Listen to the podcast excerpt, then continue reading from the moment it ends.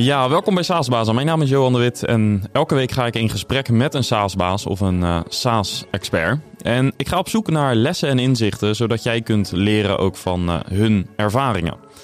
En ben je zelf een SaaSbaas en wil je onderdeel zijn van de community? Ga naar saasbazen.nl om je aan te melden. Ja, en deze podcast wordt mede mogelijk gemaakt door Leadinfo. Want met Leadinfo zie je welke bedrijven jouw website bezoeken. En voor B2B SaaS bedrijven is Leadinfo een uh, ja, goede aanvulling op je marketing en sales tools. Er zijn talloze integraties met eigenlijk alle populaire CRM-systemen, zodat je je websitebezoekers meteen naar je CRM kunt pushen en ze kunt opvolgen. Wil je dat proberen? Ga naar uh, leadinfo.com slash saasbazen. Yes, en we zijn live. Mooi. Sander, welkom. Dankjewel. Ja, dit is een beetje spannend, zei ik al. Want uh, voor het eerst uh, dat we live aan het editen zijn, dat is natuurlijk weer uh, even wennen. Maar leuk dat je er bent. En um, we hadden een voorgesprek, daar hebben we echt van alles in besproken wat we vandaag gaan doornemen. Maar je kwam vanmorgen binnen met het verhaal dat jullie uh, de Wim Hof Challenge hebben gedaan met het managementteam. Zeker. En dat wil ik eigenlijk nog een keer horen. Ja, mooi. Waarom gingen jullie dat doen? Ja, ik denk dat uh, uh, ja, team is natuurlijk het belangrijkste wat er is. Dus als je goede, goede mensen hebt die echt connected zijn, dan gebeuren er gewoon wonderen. dus ja, we hebben, we hadden sinds januari hebben we een nieuw managementteam, zeg maar, een nieuwe samenstelling. Dus om dat extra hecht te maken, zijn we de Wim Hof Experience gaan doen. Nou, dat was wel een, uh, dat was wel een ervaring, zou je kunnen zeggen. Ja, ja het is echt uh, een hele mooie aanrader. Ja, ja. Ik, kun je uitleggen voor de luisteraar die het niet kent, wat, wat is het precies? Ja, ik denk dat ik dan wel uh, Wim Hof tekort doe. Dus ik zou zeker aanraden, misschien kan je een linkje erbij plaatsen van Wim Hof ja. zelf die het even uitlegt. Maar het, was het, is, het zijn eigenlijk twee dingen. Dus het is een, het is een mindset ding. Het, het is breathwork, dus heel erg met ademhaling dingen doen. En uiteindelijk ga je een ijsbad in met z'n allen. Dus dat was echt een. Uh... Maar ik vond eigenlijk dat ijsbad, dat dacht ik van tevoren, dit is echt. Nou, dat wordt wel, uh, dat wordt wel mooi. Maar dat breathwork, dat had ik eigenlijk nog nooit gedaan. En dat was heel uh, interessant. Ja, want dat doe je om te trainen eigenlijk voor het ijsbad. Ja, en iedereen deed dat ook, dat ijsbad daarna echt lachend. Hm. Dus uh, gewoon echt focus op je ademhaling. En dan gewoon, ja, we hebben echt vijf minuten in een ijsbad gezeten of zo. Dus dat is wel lang. Ja, en heeft het gebracht wat je vooraf had gehoopt? Uh, nou ja, ik had niet een hele expliciete verwachting of zo. Maar het heeft echt, uh, ja, het heeft echt wel veel gedaan voor ons. Ja. Echt, uh, had, je, had, je ja. het, had je het achteraf gezien eerder willen doen? Bijvoorbeeld voor de spannende coronatijd waar we het over gaan hebben? Ja, nee, ja, je, dat is acht, hoe noem je dat? dat misschien is dat ook wel een mindset ding. Ik heb nooit zoveel spijt of dat ik denk, ja, weet je wat? Nee, dat hadden we toen niet bedacht of zo. Dus dit was gewoon mooi. Het is gewoon goed. Ja, ja. ja. cool. Um, ik zal de link even in de show notes uh, zetten. En dan uh, kunnen mensen die uh, getriggerd zijn dat ook gaan doen. Of ja. in ieder geval bekijken. Ja, nee, en echt gewoon doen. Ja, ja. cool. Zeker. Alright. Um, we gaan het natuurlijk vooral hebben over Mapic, over jouw SaaS-bedrijf. Ja. Um, en uh, normaal gesproken beginnen we altijd even met een pitch van wat doet jullie platform nu. Maar dat is nogal anders dan wat het uh, ja, initieel was. Ja. Dus zullen we eens een paar jaar terug in de tijd gaan en beginnen waar het, uh, ja, begon. Wat, waar het begon. Ja. ja, we hebben in 2013, volgens mij begin 2014, hebben we, was ons eerste project was The Edge van Deloitte. Uh, dat project werd opgeleverd en toen uh, waren we met een team van vier mensen. En toen zijn we helemaal in de smart building technologie gegaan. Dus dan, ja, vanuit een tech-perspectief waren er gewoon twintig systemen in dat gebouw. Dus een lokkersysteem, parkeersysteem, toegangscontrolesysteem, zaalreserveringssysteem, noem allemaal maar op. En wat ze eigenlijk wilden was één app voor de eindgebruikers, waarmee je alles kon bedienen. En één data analytics platform. Dus om echt goede, uh, een integraal beeld te krijgen van hoe dat gebouw gebruikt werd. Ja, daar zijn wij toen mee begonnen. Dat hebben we ontwikkeld. En uh, dat ging de hele wereld over. Dus dat gebouw was echt... Dat kwam op Bloomberg en op CNN. En, en dus, hoe dan? Wat zorgde ervoor dat dat zo viral ging? Ja, het was de smartest and most sustainable office building in the world. Hm. Dus dat, daar is een enorme drive zat erachter. Dus wij hebben daar heel veel aan gehad. Want daarna kwamen allemaal klanten bij ons. Die zeiden, ja, wij willen een Edge 2.0 of een Edge 3.0. Dus dat we toen, uh, toen waren we ook gebootstrapped. Dus we verkochten echt projecten. Dat heeft ons ook wel uh, toen veel gebracht. Um, Was het al SaaS? Nee, dus we hadden wel een soort van... Uh, nee, we waren echt wel cash gestuurd. Dus we, we verkochten gewoon projecten. Toen zijn we wel... even kijken, denk 2017, 2018 zijn we wel naar een SaaS-model gegaan. Nou, dat is best een dure stap. Want dan moet je natuurlijk alles voorfinancieren. Ja, ja. En toen was het product ook meer standaard. Dus we hebben eigenlijk die projecten ook gebruikt om de basis van het product te bouwen. En daarmee een SaaS-product gebouwd. En dat als een, in een SaaS-business model ook verkocht. Dit klinkt vrij eenvoudig, maar voor veel SaaS-bedrijven... of veel bedrijven die van een, zeg maar, een projectbusiness naar een SaaS-business gaan... dan gaat dat niet zonder slag of stoot. Nee, het is, dus we hebben toen ook... Uh, uh, ja, dat is, daar moet je wel financiering voor aantrekken. Ja, ja. Dus, uh, en dat ja. heb je wanneer gedaan? dat was volgens mij 2017, 2018. Ja, oké. Okay. En nou ja, eigenlijk een aantal goede jaren gehad, hè, gegroeid. en dan opeens op één dag staan alle kantoren stil. En dan ja, heb je software voor kantoren. nou, dat is precies. Dat was het ding. Dus we waren toen met een team van ongeveer uh, 50, 60 mensen. En toen, toen 2020 kwamen dus de lockdowns in het begin van het jaar. En dat was voor ons echt een hele moeilijke tijd. Want ja, we inderdaad, hadden inderdaad software voor kantoren. En alle kantoren leeg, dus nul gebruikers. Klanten die belden op van, uh, ja, we hebben geen gebruikers, dus kan ons abonnement op pauze. Dus niet per se churn, maar wel gewoon pauzeren. En een ding was dat wij uh, eigenlijk geen online marketing deden. Dus we hadden wel een website, maar onze echte leads kwamen van grote evenementen. Dus we deden evenementen in Berlijn, Parijs, Londen, New York. Met ja, 300, 400 workplace experience mensen. Die targeten we. En dan gingen we mee uh, uh, ja, op zo'n evenement een, een, praatje doen. een booth, s'avonds eten. En gewoon heel erg informeel dat, dat netwerk bouwen. En zo verkopen. Nou, alle events waren gecanceld. Ja. Dus we hadden gewoon geen events meer. Eh, klanten op pauze, dus dat was wel een moeilijke tijd. En uh, ja, als ik terugkijk, was het, was het, is het echt wel iets moois wat ons gebeurd is. Want we hebben onze hele propositie omgegooid. Dus we zijn echt helemaal gaan kijken van ja, wat, wat, wat is nou echt schaalbaar? Waar zit echt volume achter? Wat zijn de dingen die we minder gaan doen? En uh, ja, we hebben het echt als een kans gezien. Daar ben ik echt wel trots op. Want het hele team was aan op ook gewoon, uh, we gaan hier uitkomen met elkaar. Dus ons customer success team is heel dicht naar de klant toe gegaan. Met ja, hoe, hoe kunnen we jullie helpen? En er kwamen een paar dingen uit. Dus één was, het kantoor gaat echt niet weg. Het kantoor is echt hier om te blijven. Maar de rol gaat wel heel erg veranderen. En ja, dat wordt waarschijnlijk wel tech-enabled. Om te zorgen dat je dat op een goede manier organiseert. Um, iets anders is dat, en dat wist ik nog niet begin 2020, maar dat uh, voor corona verkochten we echt aan klanten die helemaal het nieuwe werken deden. Dus helemaal agile, helemaal flexwerkplekken, uh, bureautjes delen, dat soort dingen. Eigenlijk een beetje de voorlopers. Ja, en in Nederland doen we dat, uh, zijn we daar echt een voorloper global ook die dat doen. Dus wij zitten al op, veel bedrijven zitten al op 0,6, 0,7 werkplek bij FTE. Waar je global ziet, bijvoorbeeld in de US, dat dat nog helemaal niet zo is. Dus daar zijn nog heel veel mensen met eigen bureaus bijvoorbeeld.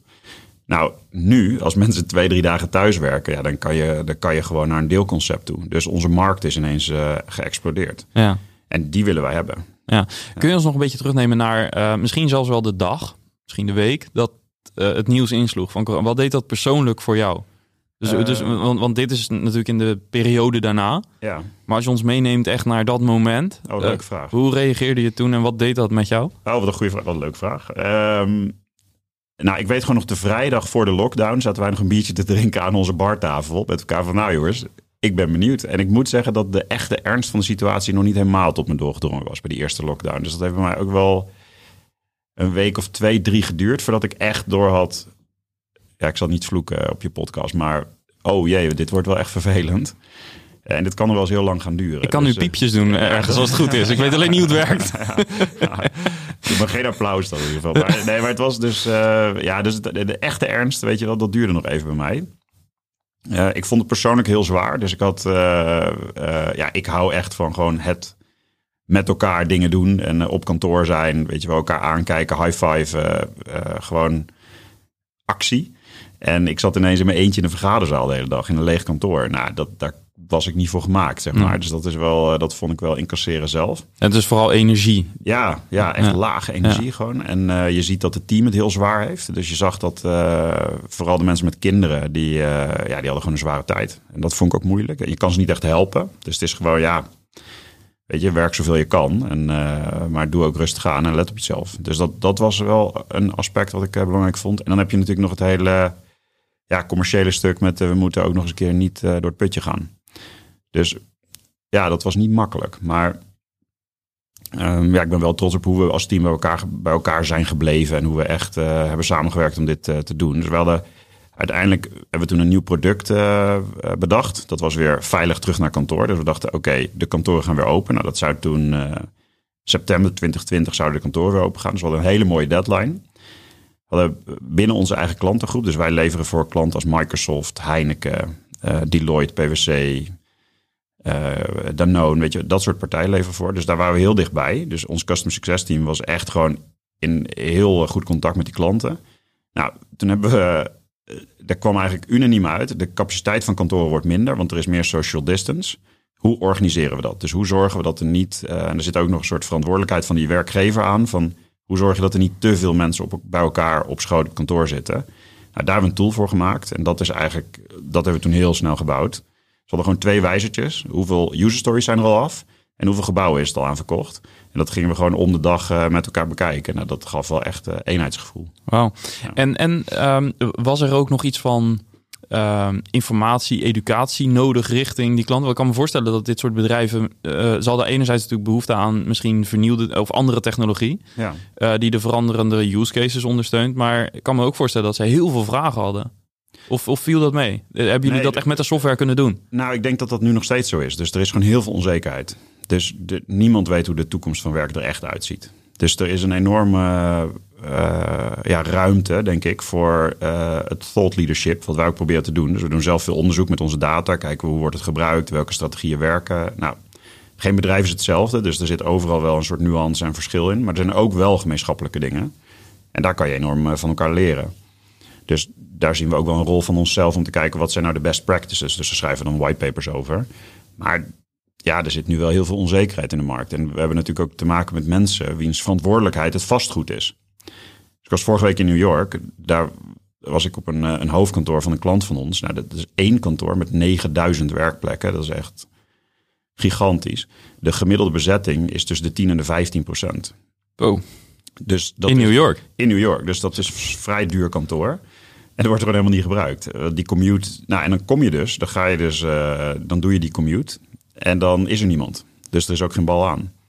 Ja, dan werkt het allemaal niet, weet je wel. Dus het is een hele... En daar zitten ze echt mee. Dus die, die mensen zijn dus verantwoordelijk voor vastgoed. Nou, typisch is dat de twee na grootste kostenpost na personeel. Dus het is een enorme case. En ja, iedereen denkt nu, ja, oké, kunnen we dat afstoten of niet? Hoeveel kunnen we dan afstoten? En dat is wat wij proberen te doen. En daar hebben jullie eigenlijk de data voor en best practices. Ja, dus om data gedreven daar beslissingen te maken. En uh, ja, vooral, kijk, het, de goedkoopste oplossing is gewoon geen kantoor hebben.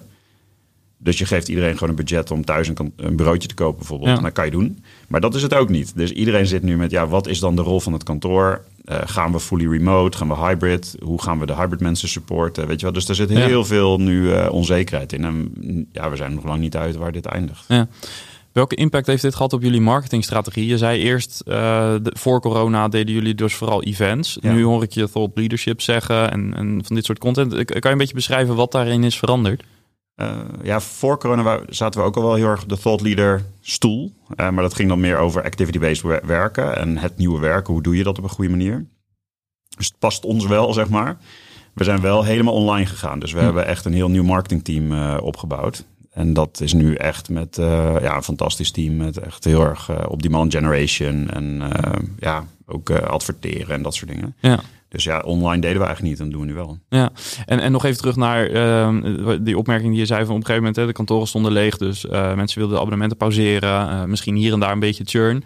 Um, hoe heb je, met wat voor boodschap heb je het sales team eigenlijk op pad gestuurd op dat moment en customer succes team? Um, wat was de opdracht in die fase? Um, ja, het is niet zo dat moet ik zeggen dat ik dan het sales team een opdracht geef of zo. Ik bedoel, die zijn zelf heel erg keen op, uh, oké, waar zitten de deals? Uh, het customer success team was heel erg, ja, gewoon aan het verbinden. Echt, zeg maar, echt en echt vragen aan die klanten, waar lig je nou wakker van? Wat is nou echt je ding? Dus daar lag hun verantwoordelijkheid. Ook om, uh, we doen heel veel in het ontwerpen, heel veel validaties met klanten. Dus in design sprints en in end-user validaties en zo, dat soort dingen. Dus dat hebben we in het begin ook heel veel gedaan. Van is dit wat je wil? Wat mis je? Wat zoek je? Nou, hoef ik je hier denk ik niet te vertellen, maar er komen altijd andere dingen uit dan je verwacht. Dus dat is super waardevol. Um, en het nieuw business team was wel gewoon aan het kijken, oké, hoe groot is die markt? Hoe kunnen we daar binnenkomen? Hoe, uh, hoe kunnen we het verkopen? Toen hadden wij ja, een van de eerste global hadden we echt een, een tool om soort van werkplekken te reserveren. Daarna is dat helemaal overstroomd. Dus nu zijn er echt gewoon honderden appjes en dingetjes voor om dat te doen. Maar dat was, dat was in het begin waren we gewoon de eerste. En toen kwam gewoon inbound echt heel veel op ons af. Ja, en wat betekent die toenemende uh, ja, concurrentie wil ik het niet per se noemen, want dat weet ik niet of het echt of jullie als een concurrentie zien, maar de toestroom van dat soort partijen, wat betekent dat voor jullie? Um, nou, je ziet, dus iedereen ziet dat die markt gewoon heel groot is geworden ineens. Ik denk dat wij, wat wij hebben gedaan daarna, is echt ons, uh, zeg maar de propositie die we voor corona hadden, ja, die hebben we helemaal omgeturnd. Dus wij gaan nu over um, ja, de toekomst van werk. Dat gaat niet over een werkplekje boeken. Dus wij, wij zitten nu, uh, zeg maar, de oplossing die we nu hebben gaat heel erg over jouw kantoordag zo goed mogelijk maken. Dus het is een gegeven dat die bedrijven gedeelde resources hebben. Dus het gaat over gedeelde parkeerplekken, lockers, vergaderzalen, belcellen, eh, teamwerkruimtes. Dat is allemaal gedeeld. Hoe, hoe ga je dat nou zo goed mogelijk indelen? Is dat dan uh, wie het eerst komt, wie het eerst maalt? Is dat eerlijk? Nou, dat is meestal niet zo'n goed idee. Dan krijg je claimgedrag en no-shows. Dus onze strategie daarin is, is je wil mensen zo goed mogelijk ondersteunen. Dus we hebben een app waarmee je kan zeggen, nou, ik wil morgen komen. Je kan dan zien wie van je teams er allemaal komen. Je, je zegt, ik kom. Kan je, kan je zorgen dat de mensen een parkeerplek hebben, een werkplek hebben, dat de lunch besteld wordt, dat je vergaderzaaltjes door de dag heen hebt. Al gewoon allemaal automatisch. Dus het is voor jou gewoon allemaal goed geregeld. Aan de achterkant kunnen we zorgen dat, de, de, dat je als organisatie inzicht hebt in wat is nu eigenlijk de huisvestingsvraag. Nou, daar zijn we nog vrij uniek in, zeg maar, in die uh, strategie. En dat is dus veel groter geworden dan uh, een, een toeltje om een, om een desk te boeken. Ja, iets anders wat we zien is dat wij verkopen dus echt enterprise. En die hele, ja, de security eisen die eraan zitten, dat, daar word je ook wel beter in. Dus ik denk dat we daar ja, daar kom je als appbouwer niet zomaar tussen, zou ik maar zeggen. Nee. Ja, plus eh, dit klinkt een beetje als dat het eigenlijk ook weer juist veel kleinere deeloplossingen zijn waar jullie uh, je klanten juist van afhelpen. Precies. Dus het is echt, we, we proberen het echt integraal aan te pakken. Ja. En daar, ja, daar zijn ze uiteindelijk ook wel naar op zoek. Ja. Dus je kan eigenlijk profiteren van wat je daarvoor al hebt opgebouwd, alleen met een andere propositie. Ja, ik denk het wel, maar vooral ook dat het apparaat, dat we zeg maar de organisatie hebben staan. Dus wij ja. zijn nu met 120 mensen ongeveer. En ja, dat team is gewoon een topteam. Ja. Waar ik echt trots op ben. Dus die, ja, daar zit wel een power achter. Uh, we hebben nu zeven end-to-end teams. Ja, die, die, die draaien gewoon, zeg maar. Dus ja. er, er, komt heel veel uh, snelheid uit. Terwijl als ik denk, ja, hoe bouwden wij producten toen we nog met z'n tienen waren? Dat was echt op een hele andere manier. Dus nu als je denkt, ja, dit is een goed idee, klanten willen het hebben, kan je er ook op, uh, op uitvoeren, op executen. En dan komt het er sneller. Ja. Um, als ik dit zo hoor, dit, dit, moet natuurlijk een intense periode zijn geweest met aan het eind een mooi succesverhaal, maar dat kan je halverwege misschien niet helemaal voorzien. Wel op hopen, denk ik. Um, wat heeft de verantwoordelijkheid als, als CEO, uh, want uiteindelijk je bent eindverantwoordelijk voor het bedrijf. Wat heeft die verantwoordelijkheid over zoveel mensen, over zoveel gezinnen ook gedaan in, in zo'n periode? Ja, ik denk die voel ik enorm, zeg maar. Dus die, die voel ik echt, weet je wel. Dus ik denk dat daar echt. Uh, ja, wat bedoel je echt precies? Wat heeft het gedaan? Wat... Nou, dit, dit, op het moment dat je merkt dat, uh, en nu, uh, je zei al, we hebben de wind in de rug. Ja. Uh, ik kan me voorstellen, dan denk je ook na over verantwoordelijkheid, maar dan ben je toch iets meer naar voren aan het kijken. Maar ik kan me voorstellen dat je ook in zo'n tijd ook wat meer aan je defense moet werken. En ja, misschien ook realiseert dat er heel veel op het spel staat. Misschien meer dan dat je in een groeiscenario zit. Ja, dat is zo. Dus je denkt iets meer over de doemscenario's na, ja. zeg maar. Maar ja. wat wij wel hebben gedaan, we zijn altijd super transparant geweest. Dus we zijn gewoon heel open en ook over onze cashpositie en over de burn, weet je wel. Dus ja, meer kan je ook eigenlijk niet doen. Dus we hadden als thema toen uh, improvise, adapt en overkom. Dus een beetje een militant thema, maar wel echt gewoon aan van uh, we moeten ons aanpassen. En ik denk dat je dan uh, ja, als CEO dat, daar wel gewoon de rust en de cool moet bewaren. Dus als ik ga lopen panieken, dat heeft niet zoveel zin. En ja, ik denk dat we gewoon een goede plan hebben gemaakt en daarop geëxecute hebben. Dus denk, daar ben ik best wel trots op. Maar het is niet dat ik denk, ja, dit had ik heel anders gedaan als, ik, als, er, uh, als de belangen anders waren geweest hm. of zo. Dus ik snap wat je bedoelt, maar ik denk dat aan de acties het niet zoveel veranderd heeft. Dus wij moesten iets. Ja. Weet je wel? Dus als je ziet van oké, okay, nou, uiteindelijk heeft het veel langer geduurd dan iedereen had gedacht, die lockdowns. Ja, Als wij ja. niks hadden gedaan aan onze propositie, dan waren we echt gewoon er niet meer geweest. Dus ja, en nu lijkt het een succesverhaal. Ik moet zeggen, voor mij voelt het nog steeds niet zo. We hebben nog steeds de wereld te winnen. En, Hoe voelt het uh, wel? Uh, nou, dat is grappig. Die, die, je zet steeds je doel wat verder. Uh, maar wij, ja, wij willen nummer één worden in deze niche, global. En daar moeten we naartoe beuken. Dus voor ons is er gewoon nog heel veel te doen. Zo voelt het eigenlijk. Ja, dat is de ambitie. Ja. ja. Ja, en voor mij, dus er zit voor mij zelf niet heel veel verschil tussen. Uh, misschien dat je iets meer nadenkt over: oké, jongens, wat als het echt slecht gaat en als we echt geen geld meer hebben. Um, maar op zich, in een groeiscenario ben je ook scherp aan de wind aan het varen. Want ja, dat, je hebt je, je cash en je runway.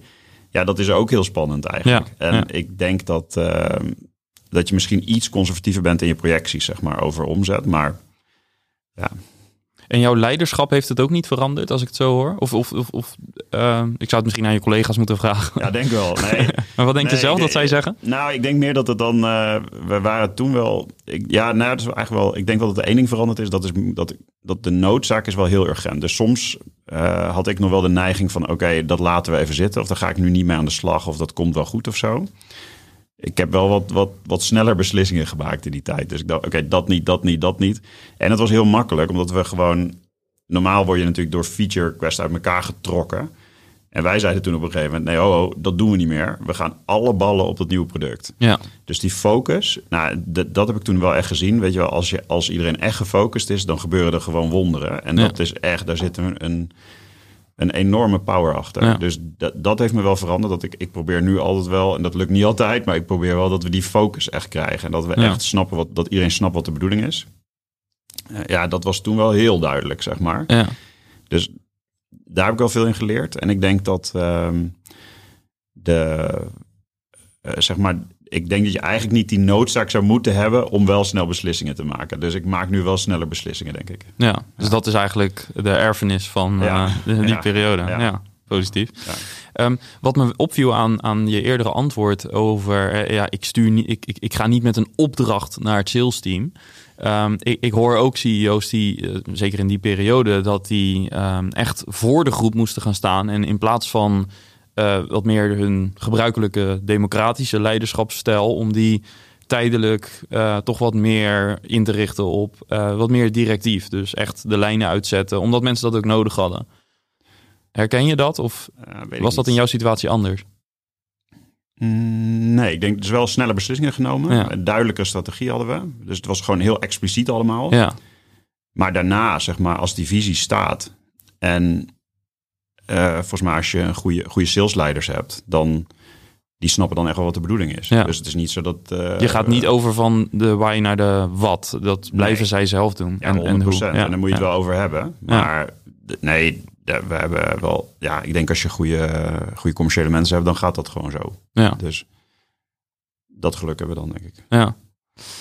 En... Um, nou ja, even vooruitkijken. We hebben een tijdje teruggekeken, maar vooruitkijken, ambitie om uh, global leader te worden. Wat, wat, um, ja, wat voor um, obstakels wat voor uitdagingen zie je daarin vooral? En wat zouden jullie moeten ontwikkelen om daar te komen, denk je? Uh, ja, ik denk nu vooral de, de economie is echt lastig. Dus met die en hoge inflatie en hoge rente uh, en een oorlog die er aan de gang is en uh, onzekerheid overal. Ja, dat is gewoon heel moeilijk. Dus dat, dat heeft ook zijn impact op, het, op de publieke markten en op het fundraising klimaat daarmee. Dus dat merken we nu.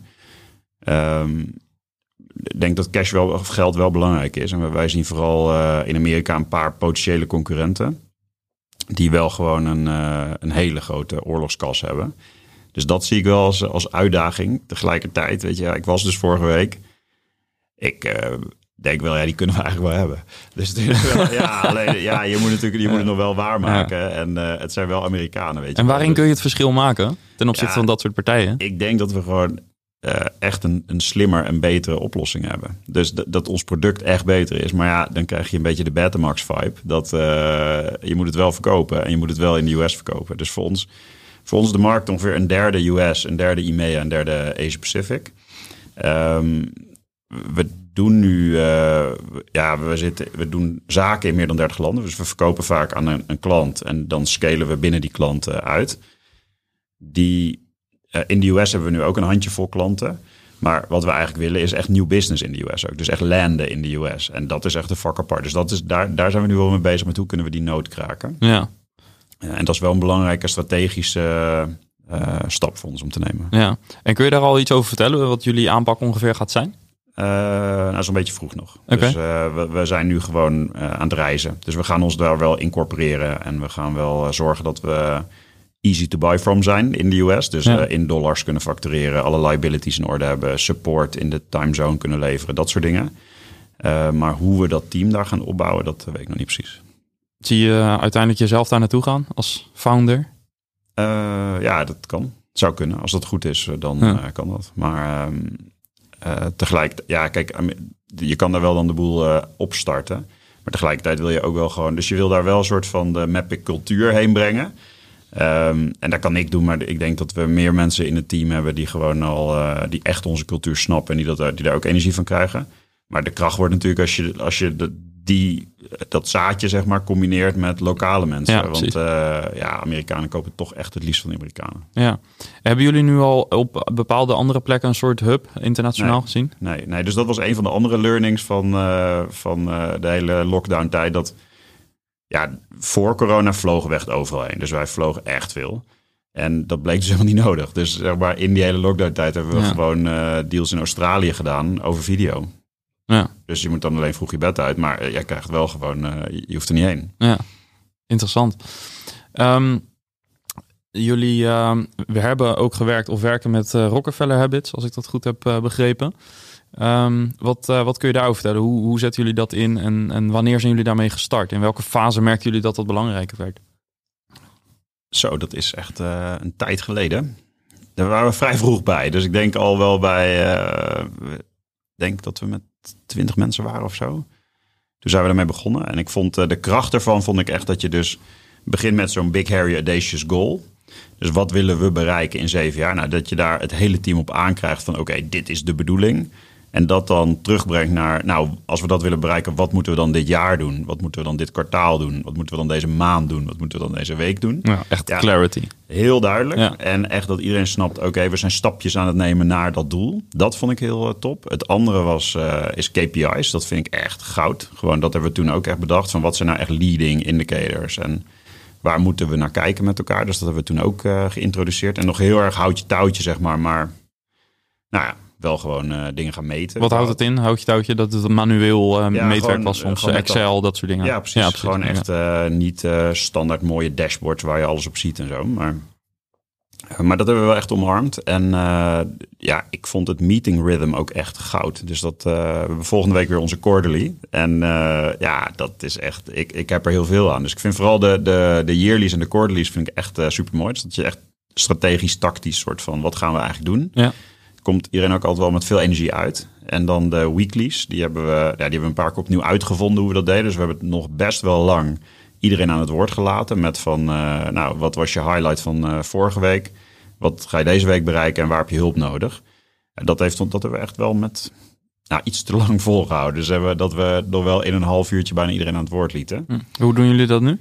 Uh, nu hebben we een host. Dus iemand die, die organiseert het, zeg maar. En dan hebben we een heel schema waarbij de teams roleren.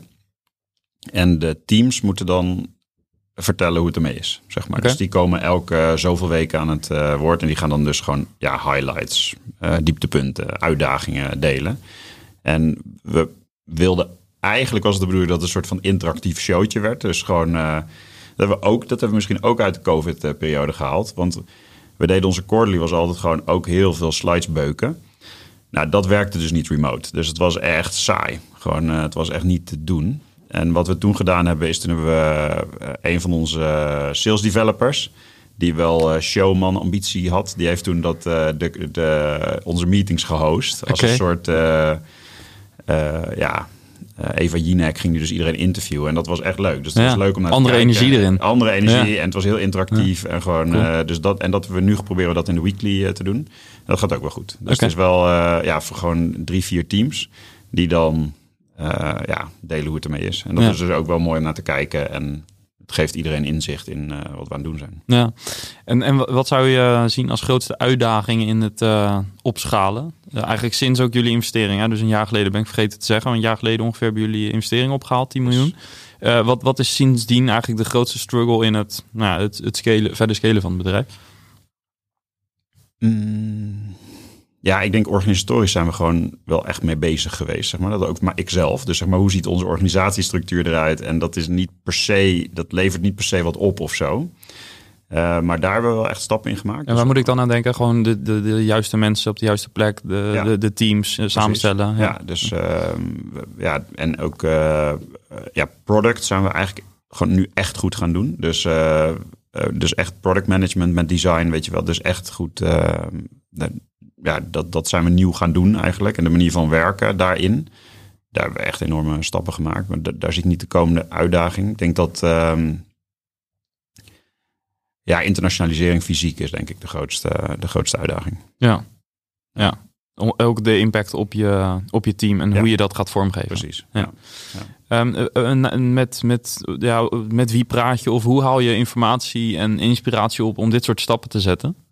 Uh, wat leuk. Nou ja, van alles eigenlijk. Dus uh, ik denk veel verbinden met andere uh, SaaS-CEO's en met andere start-up CEO's. Dat ja. vind ik echt hartstikke mooi. Het is altijd wel, of over het algemeen ja. mooi volk, zeg maar. Dus ja. we allemaal mensen met hoge energie. En nou, vrijwel iedereen is heel open over de dingen die niet goed gaan en de dingen die wel goed gaan. Dus... Wat is nou het meest verrassende wat je uit, die, uit dat soort contacten hebt gehaald? Kan, kan je iets... Ja, ik het meest ja, het gaat om allemaal dingetjes. Dus het is, um, nou, dan hebben we. Maar goed, dit is, wacht even, dit is dus eentje. dan heb je gewoon uh, natuurlijk veel boeken. Ik lees best wel veel, dus ik, uh, ik lees graag boeken. En dan haal je ook weer een soort van datapuntjes uit van, oh, dit kan ook, weet je wel. Dit is ook een manier. En dan heb je nog, uh, nou, we hebben dus een investering gekregen van de founders van Rinkelberg Capital. Dat is het family office van de founders van TomTom. Tom, Tom, ja. Dus ja, ik kan ook af en toe met Harold Gordijn sparren. En heb je gewoon, dan spar je dus met iemand die echt heel veel verder is. En dat geeft ook weer echt hele mooie inzichten. Dus um, ja, het meeste wat je eruit haalt, ik, ik denk toch wel de mindset, de, het zijn echt mindset dingen. Dus gewoon, het is echt uh, heel erg, het gaat niet zozeer over de wat, zeg maar, maar echt hoe ga je ermee om en hoe communiceer je het naar het team en hoe hou je positieve energie. Ja. Dat is denk ik uh, het mooiste. Ja. ja. En daarom ook af en toe in een ijsbad gaan zitten. Ja, ja dat is toch mooi. Nee, Het moet ook een beetje leuk zijn. Dus ik denk dat ja, het is allemaal heel serieus. En we moeten, weet je wel, maar we moeten. Het, het werkt toch ook het beste als je gewoon relaxed bent. En als je een beetje lol hebt. En super serieus. Dus we hebben echt een high performance team. Iedereen is er wel gewoon erin om te winnen. En om het beste uit zichzelf te halen. En het beste uit het team te halen. Maar je moet ook even lachen. Ja. Hoe hebben jullie dat eh, gedaan in die periode? Dus dan met die bedoel ik dan weer de COVID-periode? Ja, nou, dat was echt verschrikkelijk. Dus vond ik zelf. Dus het waren echt van die ja, je weet van die Zoom-borrels. En ja. uh, ik vond het echt verschrikkelijk. Ja. Dus dat was heel moeilijk. Ja, ik moet er ook nog wel af en toe aan terugdenken dat ik in zo'n... Uh, je in een pub, pubquiz of zo zat. dacht ik, hier is echt geen reet Nee, nee, het is echt verschrikkelijk. De eerste keer is nog wel grappig. Nee, we hebben ook echt escape rooms gedaan precies, over video. Nou, ik vond het echt verschrikkelijk. Dus we hadden wel de elke keer als het net kon. Bijvoorbeeld, we hebben één keer onze quarterly in een bioscoop gedaan. Dus hadden we twee bioscoopzalen. Nou, echt prachtig. Die met een video met elkaar verbonden waren. En kon iedereen met twee stoeltjes er toch, tussen toch net dat dat ja, mocht dan net, weet je wel. wat hebben we nog meer gedaan? Ja, nou, allemaal dat soort dingen. Dus we hebben wel elke keer een soort van... als er net iets kon of mocht, hebben we het wel, uh, hebben we het wel gedaan. Ja, ja, cool. Alright. Ja, en dan nog even uh, persoonlijk. jouw drijven, het, het spat er natuurlijk vanaf. Hè, de energie en uh, eigenlijk elke antwoord wat ik een beetje in de hoek plaats van... nou, wat was moeilijk of wat is moeilijk... dat draai je wel om naar van ja, nee, maar we moeten gewoon vooruit en gas geven, dat soort dingen. Ja. Dat vind ik wel tof. waar komt jouw drijf vandaan? Wat, wat, Waarom doe je wat je doet? Oh, wat mooi. Ja, ik vind dingen bouwen dus gewoon echt heel mooi. Dus gewoon, weet je wel, iets creëren. En we gewoon impact hebben, denk ik. Gewoon, uh, ja, weet je wel, wat je in het begin zei. Je, je, je maakt toch werk voor een heleboel gezinnen. Of zo. Dus je hebt echt wel positieve impact. Dat vind ik mooi. En uh, het mes, best uit mensen halen, dat, dat vind ik ook mooi. Weet je, we hebben zoveel kansen, groeikansen voor individuen als je zo'n groeiend bedrijf hebt. Dus er zit gewoon heel veel uh, kansen om mooie dingen te maken. Ja. Dat, dat, daar krijg ik energie van. Um, leren. Ik leer superveel, weet je wel. Dus ik heb dit ook nog nooit gedaan. Eigenlijk. Dus ik denk niet dat ik het heel verkeerd doe, maar ik doe het wel voor het eerst. Dus ja. het is echt, uh, ja, dus daar, daar, je ontwikkelt jezelf echt als een malle. Ja. Uh, ja, en ik vind dus echt afzien ook wel echt mooi. Dus gewoon dat het echt zwaar wordt af en toe. Daar ga ik wel goed op. Ja, ja. Daarom ook kickboksen. Ja, ja, vind ik ook mooi. Ja. Wat haal je daaruit? Ja, dat je je gewoon niet kan verstoppen bijvoorbeeld. Hm. Dus zeg maar, als je gewoon... Uh, in je dekking gaat, ja, dat houdt, het houdt niet op of zo. Dus je moet wel echt gewoon ja, terugslaan. In de aanval. Ja, je moet wel gewoon uh, terugslaan. Ja. En uh, liever nog aanvallen zelf. En, um, ja, en ik vind, nou, bijvoorbeeld bij kickbox vind ik het mooi dat het, ik vind fysieke super mooi. Ik vind uh, het is echt gewoon intens. En ja, als je, als je het niet goed doet, dan krijg je echt een klap op je kop. Zeg maar. Dus het is ook wel heel vrij direct. Waar, waar bijvoorbeeld met ondernemen is het, zijn de effecten soms wat langzamer en wat minder fysiek. Ja. Maar ja, dat is. Hoewel. ja, nee, nee, maar ik denk dat, daar zit wel een groot verschil. Dus ik denk dat dat, uh, uh, weet je wel, die. Uh, het, en, en misschien nog het allerlaatste ding is gewoon dat ik heb echt de pest aan gezapigheid. En hm. weet je wel, van het gaat hartstikke goed en zo. Daar kan ik echt niet tegen. Dus, ja tegelijkertijd, weet je wel, voor sommige mensen is dat ook gewoon wel goed. Dus dat respecteer ik eigenlijk ook. Maar voor mijzelf, ik, uh, ja, ik zou dat niet trekken. Ja, maar dat soort mensen zitten ook weinig in je team, als ik het zo hoor. Nou, maar als je, als je praat over een high-performance cultuur, heb je het volgens mij ook daarover mensen die vooruitstappen op het moment dat het even uh, ja, we wordt. Hebben wel heel veel, we hebben wel heel veel mensen die vooruitstappen, maar dat hoeft denk ik niet iedereen te zijn. Dus ik denk dat uh, als je gewoon een, een hele weet ik veel, eh, solide software developer bent of data scientist of een designer en je, hebt, je, je bent gewoon knijtergoed in je werk, maar je hebt wat minder dat soort van competitieve of onrustige wat ik heb, ja, dat, dan kan je nog steeds uh, heel veel bijdragen en ook echt op een hele goede manier bijdragen. Dus je wil niet alleen maar dezelfde types in je team. Nee, dat zou echt slecht zijn. Ja, nee, dat zou ook echt niet goed zijn. En ik denk dat je dus juist al die profielen met elkaar, als je daar een goede eh, blend in maakt, zeg maar. En dat zie ik ook wel als mijn rol om dat te doen daar, uh, ja, dan heb je het beste te pakken. En, en wat, is, wat is het geheim om, om te zien waar mensen goed in zijn, het potentieel? Dus hoe zie je waar, waar iemand zelf naartoe zou kunnen als ze dat misschien zelf niet zien? Wow, um, dat is een leuke vraag, zeg ik. Uh, die heb ik nog nooit eerder gehad, volgens mij. Ja, je ziet het gewoon, zou ik bijna zeggen. Dus je ziet gewoon, dit werkt niet. Dus je ziet iemand gewoon worstelen. Iemand komt met lage energie, zeg maar. En en ik vind dat best wel veel mensen zichzelf voor de gek houden. Dus dan vinden ze iets leuk wat ze leuk zouden moeten vinden of zo. Of bijvoorbeeld met managementposities heb je dat vaak. Dat mensen denken, ja, ik wil manager worden of zo. Maar als je dan echt goed kijkt, dan waarom wil je dat dan? Weet je wel? Dus wat een van de dingen die wij geprobeerd hebben, is dus echt een, uh, of waar we mee bezig zijn, is echt een people leader track en een expert track te hebben in het bedrijf. Dus je kan in allebei evenveel carrière maken, zeg maar. Dus als je een expert wil worden, dan kan dat. En wil je een leader worden, dan kan dat ook. Maar maar daar zitten mensen dus wel echt tussen te flippen. Dat je echt denkt, ja, je bent gewoon een expert, wees dat, zeg maar. Of andersom, mensen die waarvan. Dus ik weet het ook niet altijd, hè, maar ik denk wel gewoon die dialoog hebben erover. Heel open. Dat is denk ik wel, uh, dat helpt. En dan krijg je gewoon meer inzicht van. En ik denk dat. Um, um,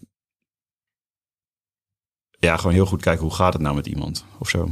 Dus als je iemand echt aankijkt, dan zie je gewoon van deze persoon is echt niet happy. Of, of er is iets aan de hand. Of die doet iets waar die echt geen energie van krijgt. En ja, dan moet je dus of je daarin ontwikkelen of je moet iets anders gaan doen. Ja.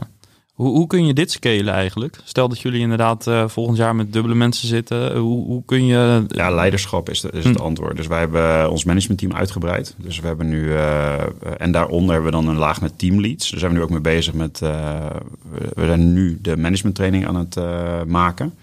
Dus vrijdag trappen we die af. En dan ga je dus, dus zorgen dat de leiders snappen wat de bedoeling is. En daar heel expliciet over verwachtingen zijn. Weet je wel, van... van en dat gaat dan bijvoorbeeld over uh, kernwaarden. Dus die hebben we expliciet gemaakt. En dan hoe ziet dat gedrag eruit? Weet je wel, wat is dan goed, wat is dan niet? Wat vinden we oké, wat vinden we niet oké?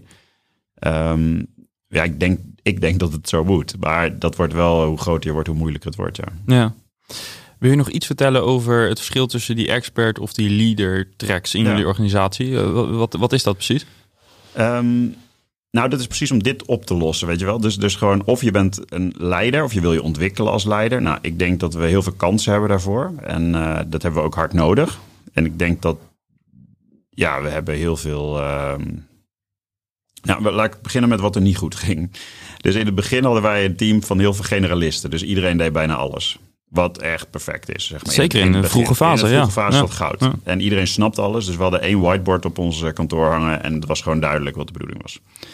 Nou, die mensen die, die deden dus en design en frontend en data en platform. Weet je, gewoon alles. Nu hebben wij een team met zeg maar eh, ja, hele slimme uh, front-end developers bijvoorbeeld. Of echt een data scientist. Of uh, gewoon aan die kant. Commercieel eigenlijk hetzelfde. Dus in het begin was het gewoon verkopen. Nou, nu hebben we sales development, daar hebben we ook nog allerlei smaak in. Account executives met ook nog allerlei specialisaties. Custom success met ook nog een paar uh, soorten erin. Dus je krijgt steeds meer specialisaties. Dat vergt nogal wat, zeg maar. Want wat, wat doe je dan met de mensen die zeg maar helemaal in het begin die generalisten waren? En hoe... Nou, daar hebben we best wel wat fouten mee gemaakt, denk ik. Dat we, want dan wordt het heel logisch op het moment dat je de eerstvolgende aanneemt ja, dat de eerste die er zat, soort van uh, de leider wordt van dat domeintje. Weet je wel, die gaat diegene inwerken, die gaat daar. Nou, dat hele stuk, daar, daar is wel heel veel. Uh, uh, nou ja, daar heb ik ook niet altijd snel genoeg beslissingen gemaakt. Maar daar hebben we wel echt veel geleerd, denk ik. En daar zag je dus dat gewoon sommige mensen zijn gewoon een expert en die moet je dat laten zijn. Ja. maar, denk ik. Anders krijg je een beetje het Peter Principle. Hè? dus de beste uit het team wordt manager, maar heeft eigenlijk geen management skills. Ja, verschrikkelijk. Nou, dus dat, dat. En uh, ja, dat, dat zie je dan niet werken. Dus ik denk dat. Uh, maar omgekeerd ook. Hè? Sommige mensen die, die zijn echt in staat om helemaal mee te komen en helemaal zichzelf opnieuw uit te vinden. Dat is ook mooi. Ja. Uh, maar ik denk dat beide goed is. Dus als jij zegt, ja, ik ben gewoon dit, ik wil me hier verder in ontwikkelen, dat is ook oké. Dus ik denk dat wij de luxe hebben dat we het allebei kunnen bieden. Maar wat we het belangrijkste les was dat we het expliciet hebben gemaakt. Ja, precies. Dus want je definieert het heel intentional, zeg maar. Dus het is heel duidelijk dat het ook beide oké is. Je moet de keuze maken. En eigenlijk jullie rol als management is om iemand te helpen. Ja. Of ook het aan te moedigen om de keuze te maken. En dat het beide oké is. Ja, precies. Nee, dat, dat, dat, is denk ik de, de crux. En, uh, uh, dus expliciet maken, zeg maar. Dat was eigenlijk het. Maar ik denk dat dat je dat dus. Uh, en ook duidelijk maakt van ja, wat is dan de verwachting of zo. Dus wanneer gaat het goed, wanneer gaat het niet goed. En, uh, ja. ja. Oké, helder. Ik ben blij dat ik dat gevraagd heb, want dat geeft uh, veel inzicht. ja, thanks daarvoor. Ja, om even af te sluiten, je gaf al aan, ik ben een lezer. Um, ik wil eigenlijk weten wat het je favoriete businessboek is. Maar ja, er worden al zoveel boeken in deze podcast genoemd. Dus ik, ga je eigenlijk, ik wil je eigenlijk vragen om een beetje een verrassende te geven. Dus uh, niet de lean startup, nee, nee. zero to one die ik uh, cliché uh, voor, op tafel, voor je op tafel ja, heb gelegd. wat is een um, verrassend businessboek? Nou, ik heb dus net weer ehm, bedacht de, om nog een keer de Hard Thing About Hard Things oh, wow. te lezen. Mag ik die ook aanbevelen? Ja, hij is een paar keer genoemd, maar... maar die is wel echt fantastisch. en dan... Um, uh, nou, een, een, andere, die is, die is denk ik nog niet genoemd. Dat is High Output Management, of nee, wel? Nee, nee, niet genoemd. Nee, dat is een mooi boek. Dat, wat er leuk aan is, is dat het door een ingenieur geschreven is. Uh, volgens mij Andy Clark was dat volgens mij uit mijn hoofd. Gaan we opzoeken. Nou, High Output Management. Het is door uh, de soort van een van de grondleggers van OKR's ah, ja. geschreven. En het is een ingenieur die dan over management gaat praten. Oké. Okay. Uh, nou, dat resoneert. Dat is okay. echt een mooie. Uh, Mag mooie ik één teken van je? Ja, leverage. leverage. Het gaat allemaal over hoe kan je jouw invloed zo groot mogelijk maken. Dus uh, gewoon hefbomen zoeken. Ja. En dus, weet je, wat als je een gesprek hebt met iemand, hoe kan je uit dat uurtje, wat kan je bereiken in dat uur, wat ja. goed is voor de organisatie bijvoorbeeld? Oké. Okay. Nou, dus één takeaway. Oké, okay. nou, we gaan hem uh, toevoegen in de show notes. Mooi, leuk. Ben ik nog iets vergeten te vragen? Iets wat je wilde delen met uh, de luisteraars, andere SaaS-bazen? Uh, ja, we doen niet super moois, dus ja, geniet ervan. Cool, dankjewel. Thanks. Geen dank. Yes, en dat was dus, nou, bijna drie kwartier Mapic. Um, wil je meer horen? tune in op deze podcast. Ook volgende week weer. En uh, deel hem met een uh, collega of met een vriend op het moment dat je er uh, waarde uit haalt. En ga naar saasbazen.nl om lid te worden als je dat nog niet bent. Daarmee kunnen wij je podcast blijven maken en ook vooral zorgen dat we onze events kunnen blijven organiseren. bedankt voor het luisteren. Tot volgende week. Ciao!